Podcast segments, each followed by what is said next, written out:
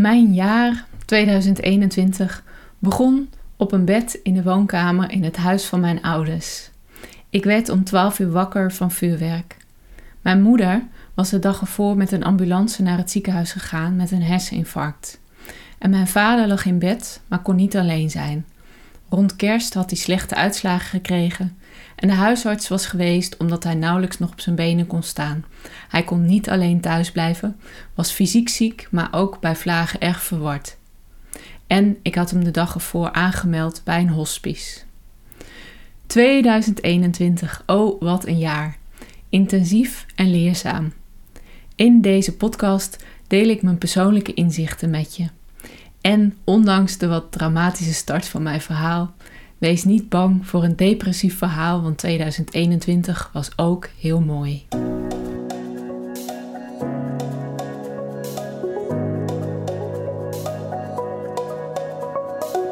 Fijn dat je luistert naar Positief Motiveren, de podcast voor zorgprofessionals die nieuwsgierig zijn hoe motiveren leuker en makkelijker kan.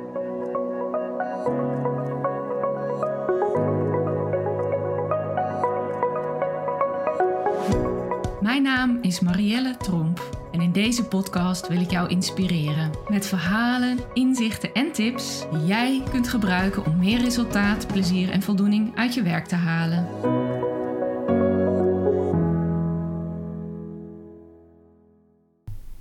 ...2021. Oh, wat een jaar. Het is iets wat ik regelmatig denk over dit jaar, maar ik niet alleen. Vrijwel iedereen heeft vaak door een combinatie van omstandigheden heel veel voor haar of zijn kiezen gehad dit jaar. Soms veroorzaakt en meestal minimaal versterkt door COVID en de COVID-maatregelen. Dat geldt ook voor mij. En deze week heb ik teruggekeken op mijn jaar, iets wat ik elk jaar eind december doe. Ik doe dat met behulp van Year Compass. Ik zal de in de notities bij de aflevering een linkje toevoegen. Want dit is een instrument dat praktische handvatten geeft bij het terugkijken op je jaar. En overigens heb ik ook op mijn website een methode staan, een soort vereenvoudigde versie. Die zal ik ook even bijvoegen. Maar bij dat terugkijken en reflecteren realiseerde ik me dat er een aantal dingen zijn die ik dit jaar heb geleerd. En die dingen zijn misschien ook wel interessant voor jou. Daarom wil ik in deze persoonlijke podcast deze drie dingen, drie inzichten met je delen. Voor het kader zal ik je nog iets meer vertellen over mijn jaar. En weet je, mijn jaar was heel anders dan jouw jaar. Maar er zijn vast ook overeenkomsten. Er is veel aanspraak gedaan op jouw flexibiliteit. Je hebt je gestretched. En je merkt misschien dat de rek er een beetje uit is. Of heel veel. Op het moment van opnemen is het eind december 2021. We hebben een lockdown. De verhalen van medewerkers uit het onderwijs en de zorg zijn schrijnend en zorgwekkend. En op social media durf ik al nauwelijks te komen, omdat ik er gewoon ongelukkig van word. Niet eens van de verhalen, maar ook van de toon. En als ik de krant opensla, dan realiseer ik me weer dat wij dus in Nederland het in verhouding zo goed hebben. Dat er zoveel aan de hand is in de wereld wat het allemaal nog meer overspoelend en overweldigend maakt. En toch sta ik er nog, net als jij, hoop ik. En in mijn geval kan ik zeggen: ik sta er niet alleen, maar ik ben ook gelukkig, gezond en het gaat goed met mij en mijn gezin. Ik ga je wat vertellen over mijn jaar en besef dus bij alles wat ik zeg: ik heb het ook over jou. Mijn verhalen zijn dan weer anders dan jouw verhalen. Mijn werk is anders dan jouw werk. Maar misschien haal je wel iets uit mijn persoonlijke inzichten. Oké, over dat jaar. In de misschien wat dramatische start van deze aflevering hoorde je al dat mijn jaar raar begon. Mijn moeder in het ziekenhuis, mijn vader bijna naar een hospice op advies van de huisarts. Om daar een fast forward in te maken over mijn privéleven in dit jaar, mijn moeder is aardig goed hersteld voor iemand van 81 en nu net 82. Maar zij is dit voorjaar verhuisd naar een appartement. Wat voor ons, mij en mijn zusje, een enorme klus betekende, want het huis moest leeg. En dat was intensief. Mijn moeder zit nu eind december goed op haar plek in een appartement waar ze heel graag wilde wonen. En mijn vader krabbelde in het hospice op en hij is in het voorjaar naar een verpleeghuis gegaan. Hij had een moeilijk jaar, want hij moest afscheid nemen van alles wat hij was. En dat was intensief, ook voor de mensen om hem heen. En hij is in december dus net overleden. Eigenlijk na een jaar of misschien wel meerdere jaren van afscheid nemen. Ondertussen had ik zelf dit voorjaar COVID. Niet in een dramatische variant gelukkig, maar we waren flink ziek hier thuis. En ik had echt heel toevallig zowel mijn vader als een zieke vriendin gezien.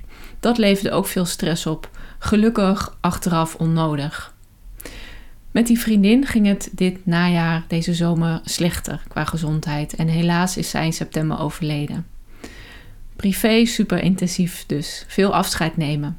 Van mensen, maar ook van een levensfase van het huis waar mijn ouders 20 jaar woonden. En van heel veel spullen, wat ik ook niet altijd makkelijk vind. Gelukkig was er ook veel moois. We hebben fijne, korte vakanties gevierd in Nederland. Steeds één of een paar nachtjes kamperen. Er was een mooi familieweekend met mijn schoonfamilie. En mijn sociale netwerk is toch wel echt kleiner dit jaar, maar ook heel mooi en hecht. Qua werk was het oké, geen grote veranderingen. Bewust ook, want ik had genoeg anders te doen. En ik heb in periodes ook wat rustiger aangedaan. Maar ik heb ook veel trainingen gegeven, superleuke trainingen. En ik heb onder andere teamdagen begeleid. Ik ben op pad gegaan met een OR. Ik heb inspiratiedagen georganiseerd en veel gedaan met systemisch werk, uh, organisatieopstellingen, voor als je dat wat zegt. En daar heb ik veel voldoening uit gehaald. Daar ben ik echt wel in mijn element. En natuurlijk heb ik deze podcast gestart. Ik heb dit jaar ook meer andere mensen ingeschakeld en ben veel meer gaan samenwerken, wat me echt heel goed is bevallen. Maar ik ben vooral ook veel gaan nadenken. Wat wil ik eigenlijk? Ik ben namelijk bijna 16 jaar ondernemer. Ik heb uh, verschillende dingen gedaan in die jaren en ik heb goed nagedacht waar wil ik naartoe qua werk? Wat wil ik zo houden zoals het is en wat wil ik anders? Dus ook daar heb ik eigenlijk dit jaar stapje voor stapje afscheid genomen, bijvoorbeeld van mijn bedrijfsnaam Vitale Zorgverlener. Dit is in vogelvlucht mijn jaar voor een beetje achtergrond. En graag deel ik wat inzichten met je van dat terugkijken. Of misschien lessons learned, hoe je het maar wil noemen. Mijn eerste inzicht is: je moet zelf de regie nemen. Daarmee bedoel ik niet, je moet het alleen doen of ik moet het alleen doen. Juist niet, heb ik wel geleerd. Maar als ik naar mijn jaar kijk, dan denk ik, ik moest wel steeds de regie nemen. Er zijn zoveel mensen die hun hulp hebben aangeboden en die ook daadwerkelijk heel veel hebben gedaan. Dus ik hoefde niet alles zelf te doen. Maar je moet wel de regie houden of nemen over je eigen stuk. Dat geldt zowel voor privé als voor mijn werk. Privé kon niet iemand anders voor mij beslissen waar wil ik zijn of hoe vaak wil ik naar mijn ouders. Of zoals met het opruimen wil ik dit houden. En in mijn werk was steeds de afweging waar wil ik mijn tijd aan besteden. En natuurlijk omdat ik meer tijd heb uh, of meer dingen heb uitbesteed dit jaar ook, waar besteed ik mijn geld aan? Aan wie? En het is ook wel gebeurd dat verschillende mensen die ik inschakelde wat anders voor ogen hadden en een andere werkwijze wilden. Ik bedoel anders dan elkaar, terwijl ze aan hetzelfde werkten. Waardoor ik alsnog een knoop moest doorhakken en regie moest nemen en daadkracht moest inzetten. Dit geldt natuurlijk allemaal ook voor jou. Ik ben dan misschien zelfstandige en jij bent misschien in dienst bij een organisatie. Maar stel dat je niet tevreden bent over je werk, dan kan je wel afwachten tot iemand anders het voor je gaat oplossen. Maar waarschijnlijk kan je dan lang wachten. En de kans is groot dat je ondertussen mopperiger wordt, ontevreden of minder plezier krijgt in je werk. Dus ook jij hebt zelf de regie te nemen. En ook als je denkt, of misschien eigenlijk wel juist als je denkt, ik heb geen invloed. Want dan juist is het goed om te onderzoeken op welk deel je wel invloed hebt. Misschien kan je wel eens in gesprek met je teamleider of met je manager. Of misschien kan je voor jezelf eens een soort voorwaarden maken op welke momenten je bijvoorbeeld ja of nee zegt tegen een extra dienst. Regie nemen betekent niet dat je invloed hebt op alles, maar het betekent wel dat je de ruimte zoekt en de invloed opzoekt die je wel hebt. En dat is trouwens niet makkelijk, zeker niet voor zorgverleners. Ik ben zelf geen uitvoerende zorgverlener meer, maar wat nog wel in mij zit, is het zorgen dat anderen het goed hebben. En dat gaat wel eens voorbij, um, of eerder gaat wel eens voor op voor mezelf zorgen. En daarmee kom ik meteen bij het tweede inzicht. Dat gaat over zorgen voor mezelf. Als ik uh, terugkijk op dit jaar, dan heb ik in de loop van het jaar echt geleerd om beter voor mezelf te zorgen.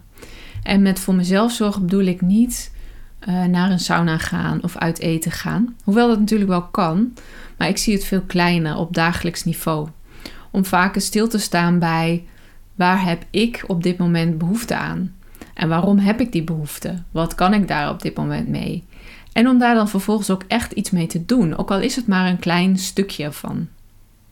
Kijk, ik vind mezelf niet verzorgend in de zin van iemand zijn jas helpen aandoen of denken aan kopjes thee of koffie. In ons huis uh, is, is bij onze taakverdeling ook niet zo dat ik daar het meeste mee bezighoud. Maar ik zorg er dus wel graag voor dat iedereen het goed heeft, dat iedereen zich goed voelt. En meestal houd ik daarbij wel een balans. Maar met twee ouders op verschillende plekken die hulp nodig hadden. En dan ook nog andere dingen, zoals bijvoorbeeld een taalmaatje, weekendpleegkinderen en natuurlijk mijn gezin. Met dat allemaal bij elkaar had ik zelf wel eens het gevoel dat ik daarin verdween. Maar ik heb wel geleerd om daar grenzen in te stellen. En het meest helpend was voor mij het idee van loyaliteit. Je kan wel loyaal zijn aan iedereen om je heen en ook heel erg reactief zijn. Dus als zij iets vragen, daarop reageren. Maar ik ging steeds bedenken: wat zou ik op dit moment doen? Welke keuze zou ik maken als ik ook loyaal was aan mezelf? Dat betekent niet dat ik alleen maar voor mezelf zorg, maar wel dat ik iets meer aan mezelf denk.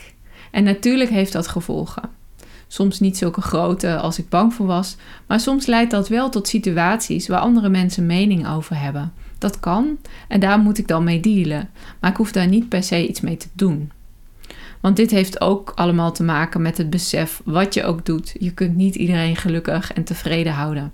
Dat is niet mijn verantwoordelijkheid en ook niet mijn invloed.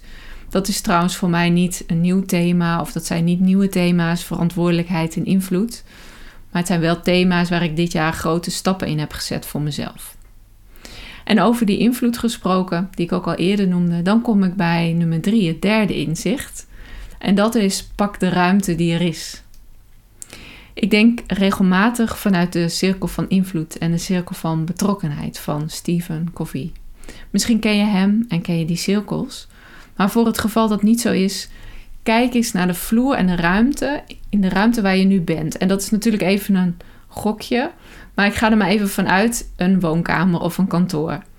En stel je nu eens voor dat die vloer bezaaid ligt met dingen en onderwerpen waar jij je bij betrokken voelt. Dingen die over jou gaan, of over je gezin of over je familie, maar ook je werk, misschien het klimaat, politiek, vrienden. Grote thema's liggen daar, zoals armoede in Nederland of in de wereld. Of er liggen ook kleinere thema's, zoals het misschien wel hoe gaat het nu met je oude buurman. Dus dit zijn allemaal even willekeurige voorbeelden. Maar als ik me zo'n kamer voorstel met alles waar ik me betrokken bij voel, dan is dat veel. En dat geldt vast ook voor jou. Maar stel je dan eens een kring om jezelf voor. De kring met spullen waar je echt bij kunt. Dus binnen een armlengte, waar je invloed op hebt.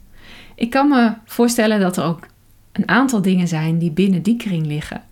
Misschien is dat iets van jezelf, bijvoorbeeld je gezondheid of een deel van je gezondheid, of je gezin, of misschien wel weer die buurman die weinig visite krijgt. Maar er ligt ook heel veel buiten die cirkel, waar jij geen invloed op hebt. Wat er nu gebeurt als je je focust op de dingen buiten jouw kring, buiten jouw cirkel, dan merk je dat het je kan gaan overspoelen, omdat je er geen grip op hebt. Je hebt geen invloed. Terwijl als je focust op de dingen die binnen jouw invloed liggen, binnen jouw kring, dan kan je meestal wel iets betekenen, iets nuttigs doen. En als je daar je energie en je tijd in steekt, dan kan je echt zorgen voor verandering. En je begrijpt al, ik ben iemand, waarschijnlijk net als jij, die zich erg verantwoordelijk voelt voor alles in die kamer. Maar ik besef ook, ik kan niet alles. En mijn strategie is steeds meer geworden, want dat was het ook al een aantal jaar. Als ik overspoeld raak, dan kijk ik zeer beperkt naar de thema's buiten mijn kring. Dat betekent dat ik in periodes geen krant lees, uh, niet of nauwelijks het nieuws volg, omdat het me ongelukkig maakt. Maar ik richt me bewust op dat wat ik wel kan doen. En dan daarmee kom ik ook gelijk terug op de ruimte die er is om die te pakken. Want op het moment dat ik wel de behoefte voel om iets te betekenen in die thema's die buiten mijn cirkel liggen of net buiten mijn bereik, dan bedenk ik welke kleine actie die daaraan bijdraagt, ligt wel binnen mijn eigen cirkel. Een collega van mij noemt dat heel mooi de two-minute favor. Dus welke kleine bijdrage kan je doen, bijvoorbeeld in twee minuten, om iets te betekenen? Ook al ligt het niet helemaal binnen je invloed. En als ik kijk naar dit jaar, dan is de hoeveelheid dingen in mijn kamer echt wel groter geworden of intensiever. Ik maak me serieus zorgen om de problemen in Nederland op dit moment en dan meer specifiek over de zorg. Ik kan die niet oplossen. Maar ik kan bijvoorbeeld wel een luisterend oor bieden aan iemand die zorgprofessional is. En dat doe ik ook. Overigens meer dan twee minuten, maar even voor het idee. Het is iets kleins wat ik kan doen. En zo heb ik het gevoel dat ik toch een bijdrage kan leveren en overspoelt de situatie me niet. En dat gevoel, dat is waar voor mij ook weer kwaliteit van leven in zit. En dat is niet voor, alleen voor mij zo, want ook uit allerlei onderzoek daarna blijkt kwaliteit van leven of de ervaren kwaliteit van leven wordt voor een belangrijk deel bepaald uit zinvol kunnen zijn. Zo kon ik bijvoorbeeld het afgelopen jaar het lijden van mijn vader niet oplossen. Maar ik kon wel met zijn verzorgende bedenken welke kleine dingen hem misschien wel wat plezier opleveren. En ik kan ook binnen de organisaties waar ik kom niet de werkdruk van elke medewerker oplossen, hoe graag ik dat ook wel wil. Maar ik kan ook daar wel naar hen luisteren, met hen meedenken en signalen afgeven naar mensen van wie ik denk dat zij een bijdrage kunnen leveren. Dat stuk ligt wel binnen mijn invloed. Dus ik zoek de ruimte die er is. En niet zozeer een inzicht, maar wel een thema was voor mij dit jaar afscheid nemen. Van dus mensen, maar ook een huis, spullen, een idee over hoe mijn werk eruit moet zien, wat ik zelf moet doen of wat ik moet zijn, en van een bedrijfsnaam. En binnen dat thema heb ik dus heel veel gehad aan die drie dingen, die drie inzichten. Eén, zelf de regie nemen. Twee, zorgen voor mezelf, dus loyaal zijn aan ook mezelf. En drie, de ruimte zoeken en pakken die er is. Eigenlijk hangen ze ook heel erg met elkaar samen. In de ruimte die je ziet, zorgen voor keuzes die je kunt maken binnen die ruimte met oog voor jezelf. Dat betekent dat acties die je onderneemt niet groot en meeslepend zijn en de resultaten ook niet. Maar toch denk ik dat ik met deze manier van kijken en denken een bijdrage kan leveren, zoals ik die belangrijk vind, dat ik kan doen wat er voor mij toe doet. En ik wens dit jou ook van harte toe. Dit was mijn laatste podcast van 2021, een persoonlijke.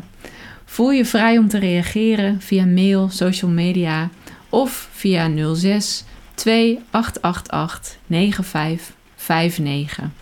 En ik kom weer terug bij je in het nieuwe jaar. Tot slot nog even dit.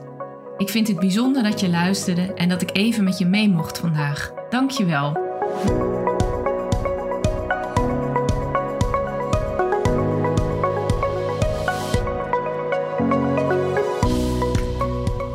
Wil je vanzelf op de hoogte blijven van nieuwe afleveringen? Abonneer je dan op Positief Motiveren in jouw favoriete podcast-app. Op www.positiefmotiverenpodcast.nl leg ik je uit hoe dat werkt en vind je bovendien alle afleveringen inclusief de links naar extra informatie. Ook lees je hier hoe je met mij in contact kunt komen. Want ik vind het echt leuk om van je te horen. Ben je enthousiast over deze podcast? Dan zou ik het enorm waarderen als je helpt om deze breder bekend te maken. Dat kan door deze podcast met collega's te delen of deze te delen op jouw sociale media kanalen. Graag tot de volgende keer.